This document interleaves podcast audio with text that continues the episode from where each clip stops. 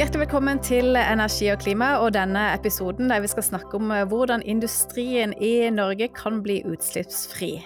Mitt navn er Kirsten Øystese, og jeg er glad for å kunne ønske teknologidirektør i Elkem og styreleder for Prosess21, Håvard Mo, velkommen. Hallo, Håvard. Hei, mange takk for invitasjonen. Du, Før vi går inn på industriens vei til nullutslipp, så må vi begynne litt med to ord om det. Hvem er du, og hvordan havna du i industrien i Norge og i Elkem?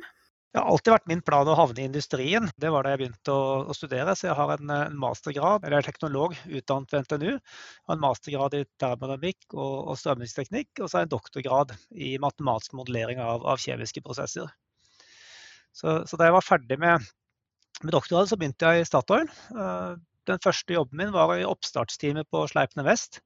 Det er jo en gassplattform som er spesielt kjent for å ha det første offshore karbonfangstanlegget i verden. Så der fikk jeg gleden av å være med å, og sette det anlegget i drift. Eh, veldig spennende, spennende jobb. Jeg var i Statoil i, i, fire år, og så gikk jeg til ABB. Eh, også innen olje og gass, da, men på leverandørsiden, og var der eh, fram til 2008. Og så forlot jeg olje og gass, og så gikk jeg over til landbasert prosessindustri. Og, og heiv meg da på, si, hovedsakelig på sol da, med Elkem Solar, men også en del av de andre prosessene som vi har i, i Elkem. Så det var egentlig sol i Elkem, og ikke den tradisjonelle Elkem-virksomheten som, som trakk deg dit? Ja, det var, det var, Elkem Solar. Og så hadde Elkem også på, i 2008 planer om å, å lage en ny prosess for å produsere aluminium på en helt annen måte. Og så viser jeg når jeg kom til Elkem at det er, det er, så spennende å jobbe med landbasert prosessindustri. Det er så mange ting man kan jobbe med, så, så her blir man jo aldri utlært. Og, og, siden 2008 så har jeg vel ikke sett meg tilbake. Det har vært en, veldig mange spennende prosjekter her i Elkem. Greit, vi skal inn på dagens tema. og um, Hvis vi starter med det store klimaperspektivet. altså Vi har lagt bak oss 2021, et år hvor vi opplevde egentlig mange ekstreme værhendelser. Både tørke og flom og hetebølger og skogbranner. Og FNs eh, klimapanel kom jo med første del av den sjette hovedrapporten, som er om mulig enda tydeligere på hvor mye det haster og hvor alvorlige klimaendringene er. Og det som er budskapet budskapet fra, fra klimaforskere er at CO2-utslippene må halveres rundt 2030 og nå netto null rundt 2050. Hva betyr dette for industrien i Norge? Industrien i Norge har jo sett dette komme, så, så det er ikke noe nytt for, for prosessindustrien. Det er, jo, det er jo all hovedsak prosessindustrien som, som, har de store utslippene på land når det gjelder industriproduksjon. Eh, I 2016 så leverte jo prosessindustrien sitt veikart med en eh, visjon om nullutslipp i, i 2050. Og når vi startet arbeidet med Prosess21 i 2018, så tok vi opp veikartet og, og, og ble vel enige i styringsgruppen og med si, de som var deltok i prosessene, at vi skal videreføre den visjonen og, og da eh, gjøre det til målsetning om å ha nullutslipp i, i 2050. Og mange av industribedriftene i Norge Elkem er en av de, har også nullutslippsmål i 2050. Og vi ser også at enkelte bedrifter nå legger nullutslippsmål i 2045. Det som er det krevende, altså 2050 er langt fram i tid. Så det er jo 2030 man, man må si, fokusere på nå, si, hvis man har det travelt. Og der er det sånn at uh, Prosessindustrien i Norge den, den, har historisk hatt veldig store utslipp. I, I, 1990 så hadde prosessindustrien, den landbaserte prosessindustrien i Norge utslipp på 20 millioner tonn i året av, av klimagasser. Uh, og nå 30 år etter, altså i, i 2020, da, nå har vi ikke sett tallene for 2021, så er uh, klimagassutslippene redusert med 8 millioner tonn, ned til 12 millioner tonn. Dvs. Si at utslippsreduksjonen har vært på 40% i overkant av 40% i denne perioden. Og så er det jo litt dumt for Norge totalt sett, fordi at Norge har ligget de siste 30 årene på ca. 50-52 millioner tonn. Så mens prosessindustrien har gått ned, så, så, har det jo vært en økning i utslipp fra, spesielt fra olje og gass og fra transport som har gjort at, at i netto for Norge så, så er man egentlig på et stabilt høyt nivå. Og de, de, tallene som du er inne på fra industrien, de er jo interessante, for som du sier, det har vært en ganske imponerende kutt i utslippene på, på 40% siden 1990. Men veldig mye av dette har jo skjedd for en god tid tilbake, så de siste ti årene så har det ikke skjedd så mye. Hva, hva er grunnen til det? Ja, si ti år, eller om det er eh, Ja, det er vel det. 2008, det er faktisk enda litt mer. Så, så flatet det ut. Uh, og det, det, er interessant å se om det, er, det, henger sammen. Så Det var da man fikk også ETS. Norge, industrien i Norge. ETS kom inn, og, og vi sluttet til det. og Alle var fullt operative rundt uh, var det 2013, vel? Mm, altså kvotemarkedet i EU. Ja. Så, så når, når, vi, når, vi, ble en del av kvotemarkedet, så flatet ut seg spørsmålet var det fordi vi ble en del av kvotemarkedet, eller var det andre årsaker. Og Der kan man ha forskjellige teorier. Det vi vet, i hvert fall vet hva som kuttet utslippene. Og, og, de utslippene som ble tatt, de ble tatt uh, på, på fluorforbindelser i aluminiumsindustrien. Der, der var jo også Elkem inne da vi hadde aluminiumssmelteverk, men det var jo i stor grad uh, Norsk Hydro som, ja, som, har tatt disse utslippene, altså er Elkem og Alcoa. Og så har det jo vært tatt mye på, på lystgass med, med Yara. Eh, CO2-utslippene har vært relativt stabile, men det har, en, eh, det har jo da vært en produksjonsøkning. Så man, man, produserer nå med lavere fotavtrykk på produktene sine enn det man gjorde tidligere. Så, så eh, de fleste bedriftene har jo da klart å, å, utvikle seg sånn at de produserer mer med de samme utslippene. Så er det spørsmål hva skal til for å komme videre. Og, og da kan man si det er, jo, det er jo teknologivalg, det er teknologi, det er kostnadsdekning og det er politikk. Det er tre tiltak man ser nå. teknologien er kjent, den er iallfall så kjent at det er mulig å gjøre det. Om det er ingeniering eller forskning, det er iallfall relativt nært i, i, i, teknologisk modenhet. Og da er det tre ting. Det er, det er, det å erstatte fossilt kull med biokarbon fra fornybare kilder. Det, det kan bety mye. Så er det å elektrifisere, eh, fortsette elektrifiseringen av industrien. Eh, og da, I det så legger jeg også grønn hydrogen. det er en, eh, altså Hydrogenproduksjon med elektrolyse har jo vært kjent uh, lenge. og det var jo Før man begynte med naturgass, så hadde man jo naturgassbasert hydrogenproduksjon i Norge. Så produserte man jo hydrogen med elektrolyse. Og så er det karbonfangst og -lagring.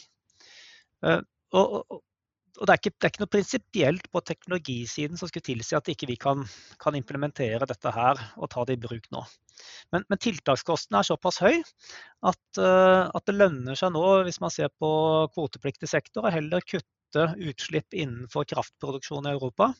Altså fjerne uh, kullkraftverk. Erstatte det med, med, sol og vind. Det har en lavere tiltakskost per tonn CO2 enn det disse tiltakene som jeg nevnte har. da. Og Da er det et spørsmål om skal man gjøre det nå, eller skal man vente til CO2-prisen øker.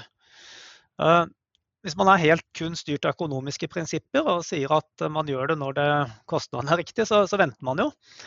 Men uh, har man det travelt, så er spørsmålet om man vet hva man kan gjøre. Så er spørsmålet skal vi gjøre det, og heller bruke litt ekstra penger på å ta disse kuttene. For her kunne industrien vi kunne tatt uh, ja, to millioner tonn i året. Eh, med relativt raskt. Og, og ser man det over en 8-10 årsperiode, så snakker vi her om en, en, en 16-20 millioner tonn som man kunne ha tatt da, før 2030 hvis man hadde tatt seg råd til å ta disse uh, reduksjonene. Så det er ingenting med teknologien som står i veien her? Vi kan kutte to millioner tonn i året, vi har teknologien til det, det er det du sier? Ja, det vil jo være å skyte seg i foten og si at vi har det. For vi, vi, vi vil jo fremdeles søke om midler etter Forskningsråd for å få gjøre dette enda bedre. Men, men det, er noe, det, er ikke noe, fundamentalt her som ikke lar seg løse. Det, det kan ta litt tid å finne ut av det, men, men, vi snakker ikke om 20, vi snakker ikke om mange år. Det er snakk om å rett og slett putte på ressursene, jobbe systematisk med det, løse de uh, si problemene man har, og få dette i drift. Mm. Du, du, er jo styreleder for Prosess21, et arbeid som eh, den forrige regjeringen starta i, i, 2018, og som også dagens regjering har sagt at de ønsker å, videreføre. Og Målet er jo å stake ut, en, eh, stake ut veien for en industri som, som, øker verdiskapingen, men som har lavere og ned mot null utslipp etter hvert. Hvor tydelig er det for deg hva som må gjøres for at uh, industriarbeidsplassene i Norge skal være relevante også i 2030 og 2050? 2050 og 2070, og gjerne lenger frem enn det? Ja, da er det vanskelig å svare på vegne av hele, hele industrien, men jeg kan, kan, gjøre noen betraktninger rundt det. og, og kan starte med Elken. Da. Det, det, er, eh, det, er, jo helt nødvendig at det man produserer, så at noen har lyst til å kjøpe det du lager. Det er liksom fundamentalt i enhver virksomhet. At det er betalingsvilje. Kan man si, ok, Hva er det vi har da i Norge? Vi har, eh, vi har noen som lager mineralgjødsel, Yara. Mineralgjødsel vil bli etterspurt. Eh, altså det er en forutsetning for befolkningen på jorda. Uh, aluminium, det, det, ser vi en økning. Altså elbiler, så lenge vi har mobilitet, så er det per i dag ikke noe bedre enn aluminium som, som etterspørres. mindre virksomheter, sånn som isolasjonsmateriale med, med Glava og, og Rockwool, det, det, er også en forutsetning for å, for å ha et samfunn at vi isolerer uh, husene våre og, og, der vi er. Uh, og, og så Det Elkem jobber med, vi jobber jo med med silisium. Og, og, silisium går til solceller, det går til elektronikk. Det går også inn i aluminium som, som legeringselement i aluminium. Så, så, vi føler at der er vi også ganske trygge på at det kommer til å være etterspørsel etter solceller i 2030 og 2050 også. Så, så er, du, må marked, du må ha et produkt da, som markedet etterspør.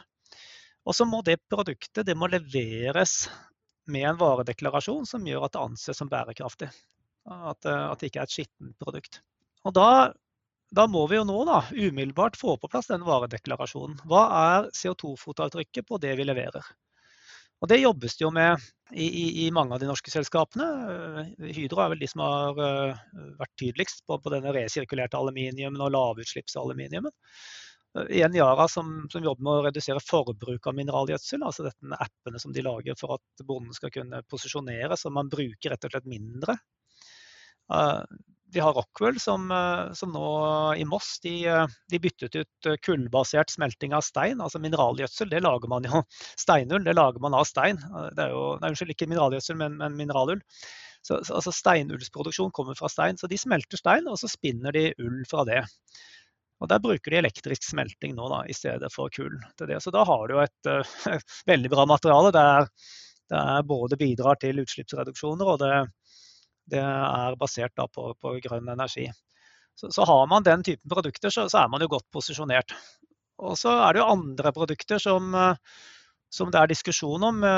I Norge så er jo olje helt klart veldig høyt på agendaen. Det er jo det er mange som mener at det skal fase ut ganske raskt. Vi har jo sett på naturgass. Det, det er vel eh, blitt, kommet, blitt mer moderne igjen nå, da, siste, siste halvåret, gitt energikrisen i Europa. Så, men, men, vi må forvente også at uh, forbruket av naturgass uh, vil bli redusert fram mot 2050. Og Der må man gjøre en omstilling, da må man jobbe med andre ting. For jo, da leverer man jo produkter som ikke er etterspurt.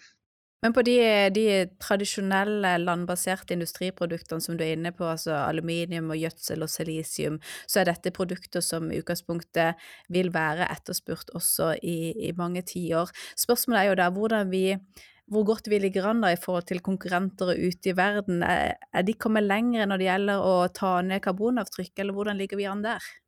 Der ligger vi veldig godt an med norske industrien. Eh, vi har eh, lavt CO2-fotavtrykk på det som produseres i Norge. Eh, vi har, vi, det viktigste her er jo den fornybare kraften, som, som, utgjør ganske stor, en betydelig andel av utslippene for de som produserer med kullbasert kraft. Så, så sammenligner vi det som produseres i Norge med det som produseres i, i, i Kina, så er det jo en, en helt annet CO2-fotavtrykk. Og så er det jo sånn at De norske Prosessene er veldig effektive. Generelt sett så har vi høy grad av konvertering fra energi- og råvareinput til ferdig produkt. Det betyr at vi har mindre svinn, vi har mindre avfall. Det gjør at, eh, at innsats, mengden innsatsfaktor for å produsere produkt er lavere hos oss enn hos eh, konkurrentene. Eh, og, og for Elkem sin del, vi ligger på, på ca. 20 eh, vi. Hvis du tar gjennomsnittet for silisiumproduksjon i verden, så er det, er det 20 kg CO2 per kilo silisium, og, og, og, vi ligger på 4. Så, så er, da, da, ligger du veldig langt foran konkurrentene. Men så er det jo sånn at uh, fire er ikke godt nok i 2050. Da skal det være null. Og det er den posisjonen vi må ta. Det er, uh, det er å lage det vi lager i dag uten utslipp. Og Karbonfangst, kan, karbonfangst vil være en del av løsningen, for det vil alltid være restutslipp. Men vi må da lage, komme fram med ny teknologi som gjør at vi kan produsere materialene våre med, med null utslipp, eh, eventuelt veldig lite utslipp, og så fange det siste utslippet. Og der, der, jobber Elkem. Vi jobber, en, vi jobber med nå med en ny prosess. Vi fikk jo støtte fra Forskningsrådet nå til en, en banebrytende prosess hvor vi skal resirkulere CO2-en.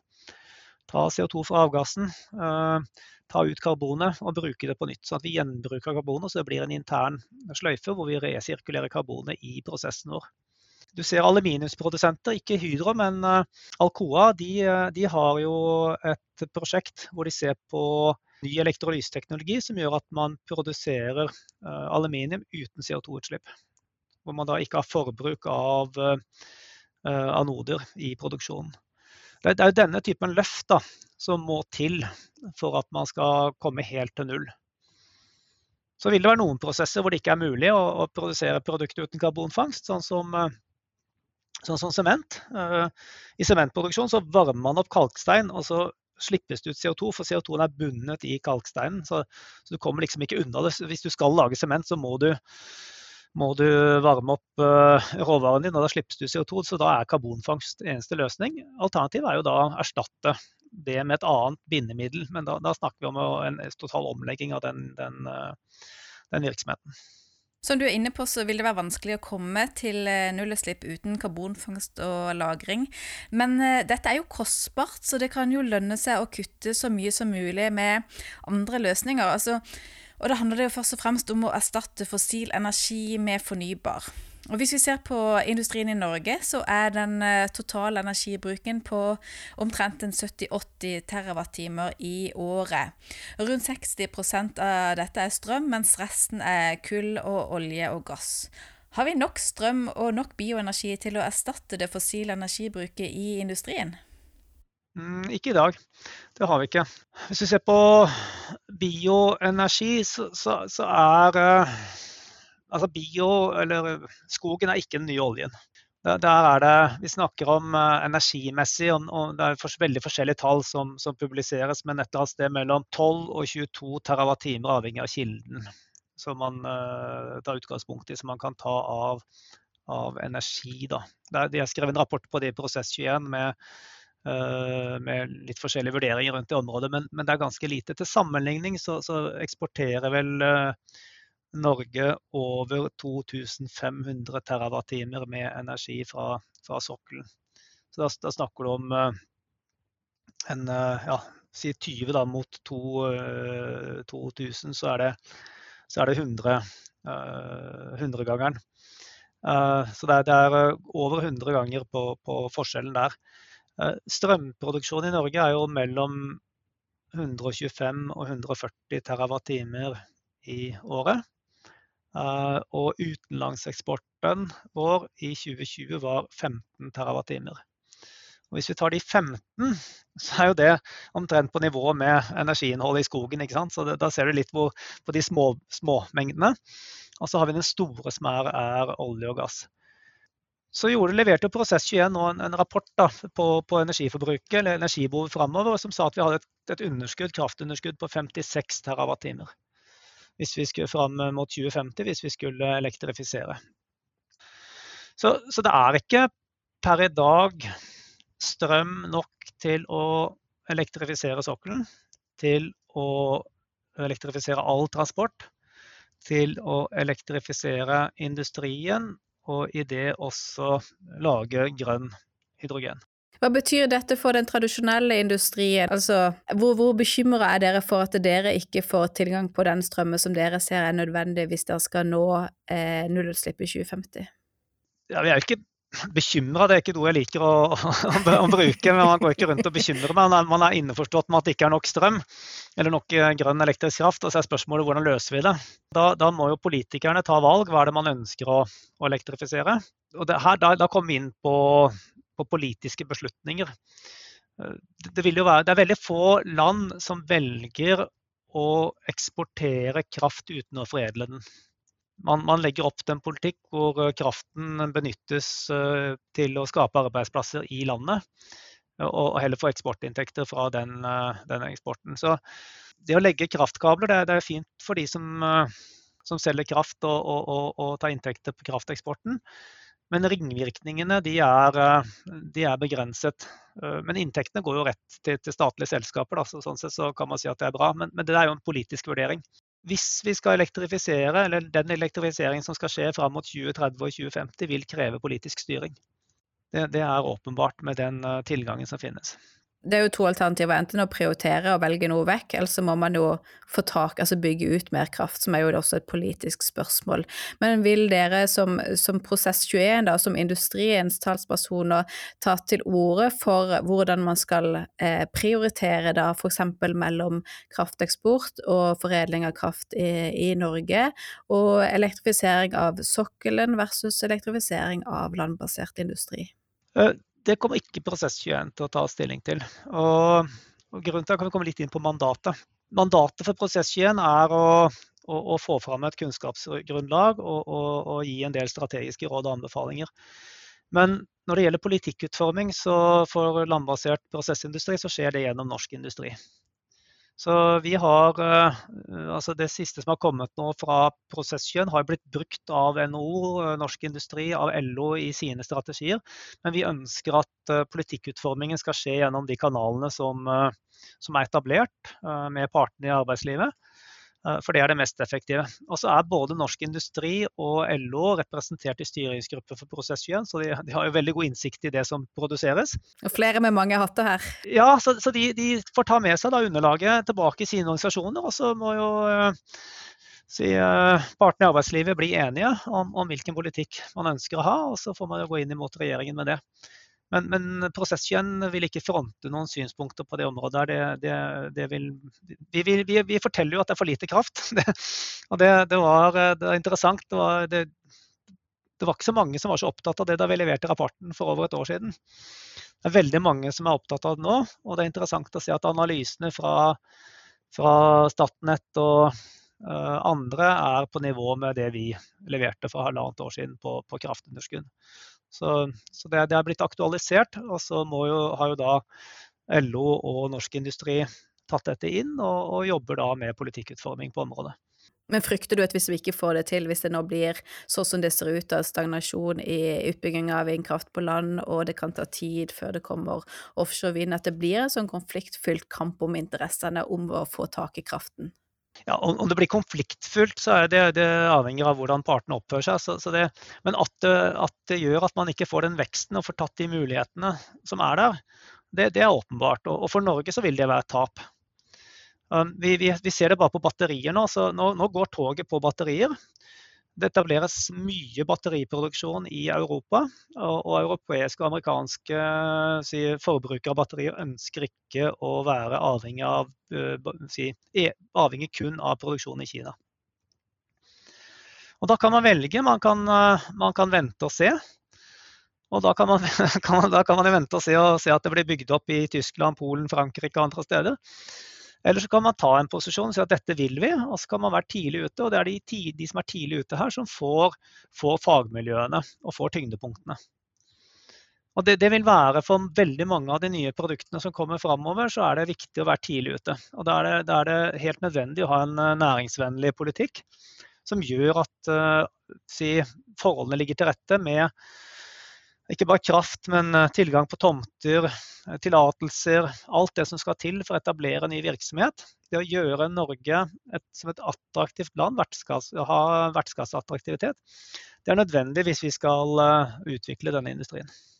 Hva er den største bremsen for å etablere batterifabrikker i Norge eller annen virksomhet, enten det er helt ny industri eller vekst i den etablerte industrien? Altså, Hvilke hindringer er du bekymra for? Ja, du liker ikke å være bekymra, men Det er helt riktig. Det er, to, eh, det, er, det er to, sider av det. det. det. ene er jo det å få, få fram tomter, eller det er flere. Det er det å få fram tomter med tilgang på kraft, og som er ferdig regulert. Det tar veldig lang tid. Hvis man skal ha eh, krafttilførsel inn til et nytt område, så snakker man om fem år. Og da er man ikke relevant. Så, så hele den uh, konsesjonsprosessen der inn, prosessen inn mot NVE, den, den, må akselereres. Hvis man skal uh, få etablert ny industri i Norge, om det er batteri eller andre ting, så, så, er det helt sentralt. Så er forholdet til EU og det er kanskje det, Hvis vi kan si at det er noe som bekymrer meg, så er det hvis vi skulle finne, ut av, e, finne på å gå ut av EØS. Eh, vi så jo effektene på batteri med, med, med det at vi ikke er fullverdig EU-medlem det, det, det, gjør jo at man ikke er fullt så attraktiv. Hvis vi begynner å tukle med EØS-avtalen, så, så, vil ingen internasjonale selskap ønske å investere i Norge. For da, da, har du ikke, da har du ikke sikret markedstilgang på det du produserer. Så det er, en, det er, vel den eneste bekymringen jeg har. Og så er det en, en praktisk problemstilling med at det, det, koster en del å bygge i Norge. Vi har relativt høye byggekostnader. Det er ikke så dyrt å drifte og, og holde ting i gang, men, men selve byggekostnadene i Norge er ganske høye. Så enhver som jobber med utbygging av ny industri, uh, må være veldig bevisst på hva som skal til for å få kostnadseffektive ut, uh, utbygginger da, på, på investeringssiden. Men kraftprisene er ikke en utfordring sånn som du ser det da. Så vi er jo inne i en tid hvor, eh, hvor eh, strømprisene er høye. Når, eh, nå har jo stort sett industrien veldig stor grad sikra seg med, med, lengre kontrakter og er sånn sett ikke så utsatt for disse, disse svingningene som, som, vi som privatpersoner blir truffet av nå. Men, men Norge som konkurranse, altså vår, vår rimelig kraft som har vært vårt konkurransefortrinn i, i lang tid, hvordan ser du på den fremover? Det er vanskelig å si. Det, du, du, spør mye dagsaktuelle spørsmål som man ikke, kanskje ikke har godt nok underlag til å uttale seg om. så det, Jeg setter pris på spørsmål, men jeg vet ikke om jeg kan gi de gode svarene her. Det, det er, på, på, kraft så, så, kan man gjøre, man gjøre seg noen uh, betraktninger. Uh, I utgangspunktet så burde jo Norge, så lenge vi har et kraftoverskudd, ha lavere kraftpriser enn uh, en, si, landet rundt oss. Og Da er jo spørsmålet hvor stor er den differansen. Det, det, og, og, Hvis den differansen forsvinner, så, så, så, blir det jo egentlig ikke noen grunn til å legge ting til Norge pga. kraft, med unntak av at kraften her er grønn. Så er det jo sånn at Vi har dette med opprinnelsesgarantier. Det betyr at, man, at uh, kraftforbrukere i Tyskland kan kjøpe opprinnelsesgarantier og deklarere kraften sin grønn, selv om den kraften ikke har gått gjennom en utenlandskabel. En ren finansielt instrument det er jo en måte å vanne ut verdien av den norske vannkraften på. Så det er, mye, det er åpenbart at en fabrikk som ligger ved siden av en, eh, en kraftstasjon og det ikke er overføringskapasitet ut av området, kraften blir jo brukt på stedet. Eh, så, så det, er en, eh, det, er en, ting som si, prosessindustrien i Norge er sterkt uenig i, i denne, disse opprinnelsesgarantiene. Så, så, hvis vi har grønn kraft, så er spørsmålet den, hvor mye er den mer verdt enn den fornybare kraften. Men det vi har sett nå, og som vi ikke har nok data på, det er hvorvidt kraftprisene våre i gjennomsnitt blir høyere eller lavere enn Europa. For vi har jo sett enkelte dager nå de siste ukene hvor Norge har eksportert kraft på en sånn måte at vi har hatt en, en høy kraftpris i Norge. Og så har kraftprisen vært enda høyere i, i Tyskland og, og England. Men når det blir overskudd på kraft på kontinentet, så velger da kraftselskapene å ikke produsere, sånn at kraftprisen blir høyere i Norge enn på kontinentet. Så at de holder igjen produksjonen for å kunne selge den til en høyere kostnad neste gang eh, det er kraftunderskudd på kontinentet. Det er fullt forståelig, fra et bedriftsøkonomisk perspektiv hos kraftselskapet. Men, men, det er jo ikke riktig når man snakker om en samfunnskritisk infrastruktur som, som skal skape verdier for landet. Det er jo her diskusjonene kommer til å gå framover. Uh, hvordan blir kraftproduksjonen i Norge? Og, og, med de ekstreme effektene vi har sett nå det siste halve året, så er det vel for tidlig å konkludere på hva løsningen er. Jeg, jeg tror bare man skal notere seg at det vi har sett de siste seks månedene, er mer og mer alvorlig å utfordre enn noen ville forutsi eller våge å kommunisere høyt for to år siden. Og dette må vi forstå uh, når vi skal lage industripolitikken for Norge i årene som kommer. Eh, vi skal gå inn for, eh, for landing. Altså, vi var inne på at regjeringen Støre ønsker å videreføre Prosess 21-arbeidet. Hva tenker du at Prosess 21 må levere nå de nærmeste årene? Da venter vi på, på mandatet fra, fra, regjeringen. Det er jo et, det er de som bestemmer hva, eller beslutter hva de ønsker å få hjelp til. Eh, men fra, fra Prosess21 sin side så ønsker vi nå å etablere Prosess21 som et langsiktig forum. Fra å være et prosjekt på tre år til å bli et langsiktig forum, sånn som vi har på Energi21 og OG21.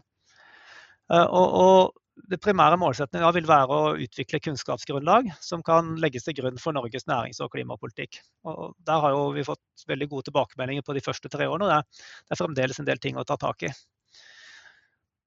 hvis jeg kan få lov å forskuttere på hva jeg håper kommer til å ligge i mandatet, det er jo at man ser nærmere på det næringsrettede virkemiddelapparatet. Vi har vært inne på det nå. Og da snakker vi både om det lille virkemiddelapparatet med Forskningsrådet, Innovasjon Norge, Enova og, og, andre, men også det, det, store virkemiddelapparatet som du begynte å snakke om her, med, med klimapolitikk, skatt, infrastruktur, krafttilgang. Altså det som må til for å bygge, bygge industri. Så det, det, der, vi, der, blir vi aldri ferdig. Så, så, men vi har en veldig god plattform nå som vi kan bygge videre på.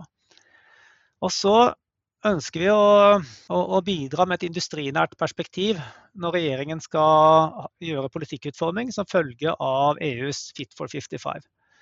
Nå er jo den Fit for 55 til behandling, ikke sant? Eh, og man forventer jo at dette vil komme i løpet av 2023 som, som sine beslutninger. Og det å forstå dette her, konsekvensene, både å påvirke politikkutformingen der, det, det er viktig. Eh, og det siste vil jo være å jobbe med å operasjonalisere anbefalingene i prosessindustriens veikart. Og Hva er de viktigste anbefalingene der å ta tak i? sånn at man, altså Som vi var inne på i starten, at det at utslippsnedgangen utslippsnedgangene har stagnert, er det, er det, noen av de tiltakene som ligger der som er de viktigste å gå i gang med?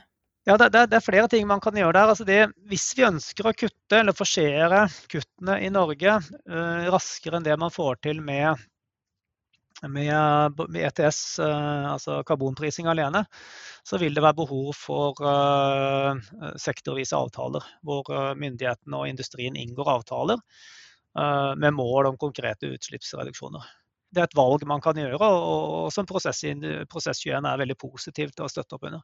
Du, eh, hva er det mest, eh, Hvis vi skal se litt fremover dette året som vi akkurat har starta på, hva er det mest spennende som, eh, som, du forventer vil skje, og som er i gang nå på klimatiltak i den etablerte industrien i Norge? Du, du, har egentlig dekket ganske godt to av tre områder i det vi har snakket om allerede.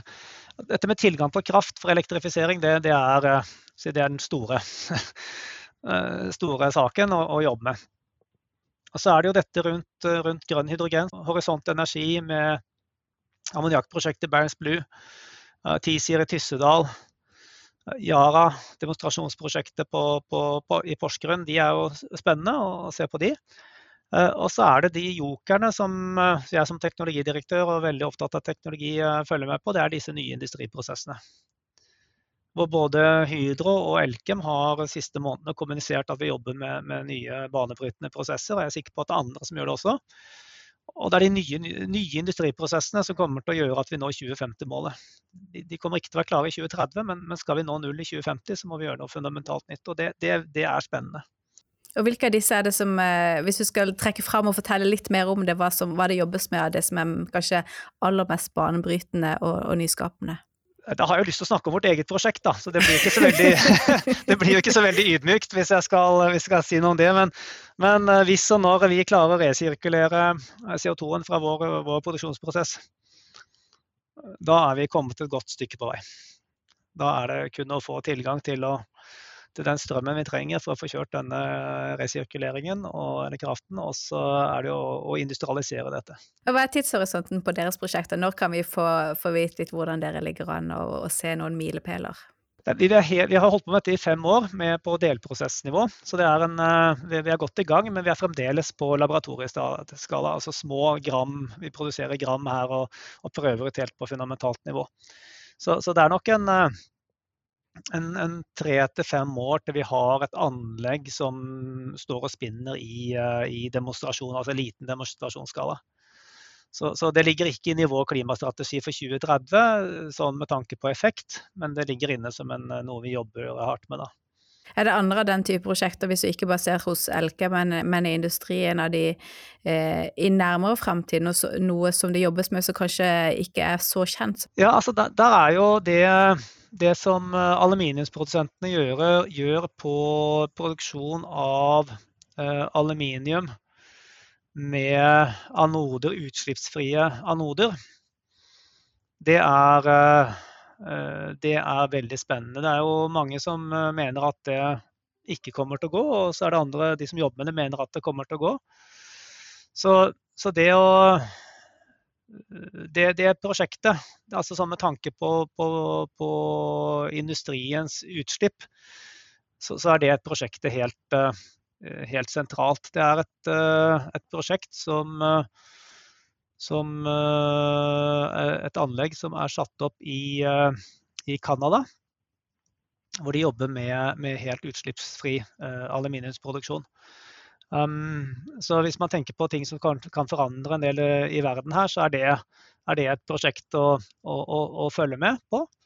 Uh, det heter Elysis, ELYSIS, som er Alcoa da, og, og, Rio Tinto, som, uh, som nå produserer utslippsfri aluminium. og Det er ikke, det er ikke uten grunn at det ligger i Quebec, hvor det er, altså hvor det er mye vannkraft. Og så har man stålproduksjon med bruk av hydrogen. Eh, hybridprosjektet med SSAB, LKAB og Vattenfall, som, som er uh, veldig, veldig, interessant. Det går jo i Sverige, det er jo litt nærmere. Så det er jo de to store uh, si, klimaverstingene, eller de, der det slippes ut mye CO2 fra, fra prosessindustrien. Og så har vi karbonfangstanlegget til, til Norcem så, så, da har liksom de tre det er, vel, det, er vel, det, er vel, ja, det er de tre største kildene til CO2-utslipp fra, fra, det vi omgir oss med daglig. Altså stål, betong og aluminium. Så når det løses, så, så, så har jo verden kommet veldig mye videre. Uh, og når disse tingene er på plass, så vil uh, mye av det som læres gjennom disse tre prosjektene, kunne anvendes på andre industrier. Så du kan si det er, De vil brøyte løypa for mye annet som kan skje. Det er mange som kan si at dette her eh, er jo ikke mål ennå, det er mange skjær i sjøen. Men hvis vi sammenligner med hvor vi var for ti år siden, så, så, har det skjedd mye mer i løpet av de ti siste årene enn jeg trodde da jeg begynte å jobbe med disse tingene her og, og la planer i, i 2010, 2011, 2012. Da var jo det vi snakker om i dag, eh, fantasier som ble, ble skutt ned i enhver seriøs diskusjon. Men nå, nå ser vi at omstillingen skjer. Ja, men Veldig bra.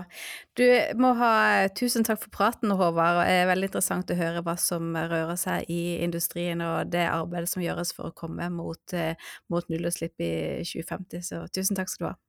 Mange takk for at jeg fikk lov å komme. og Kanskje jeg kan komme tilbake om en tre-fire år, og så får vi ta oss og se om, om dette stemte, eller om, om, verden gikk en helt annen retning. Veldig gjerne. Nå har vi jo på teip hva du sa, sånn at vi kan ta det opp igjen og, og minne oss på det, og se hvordan det gikk.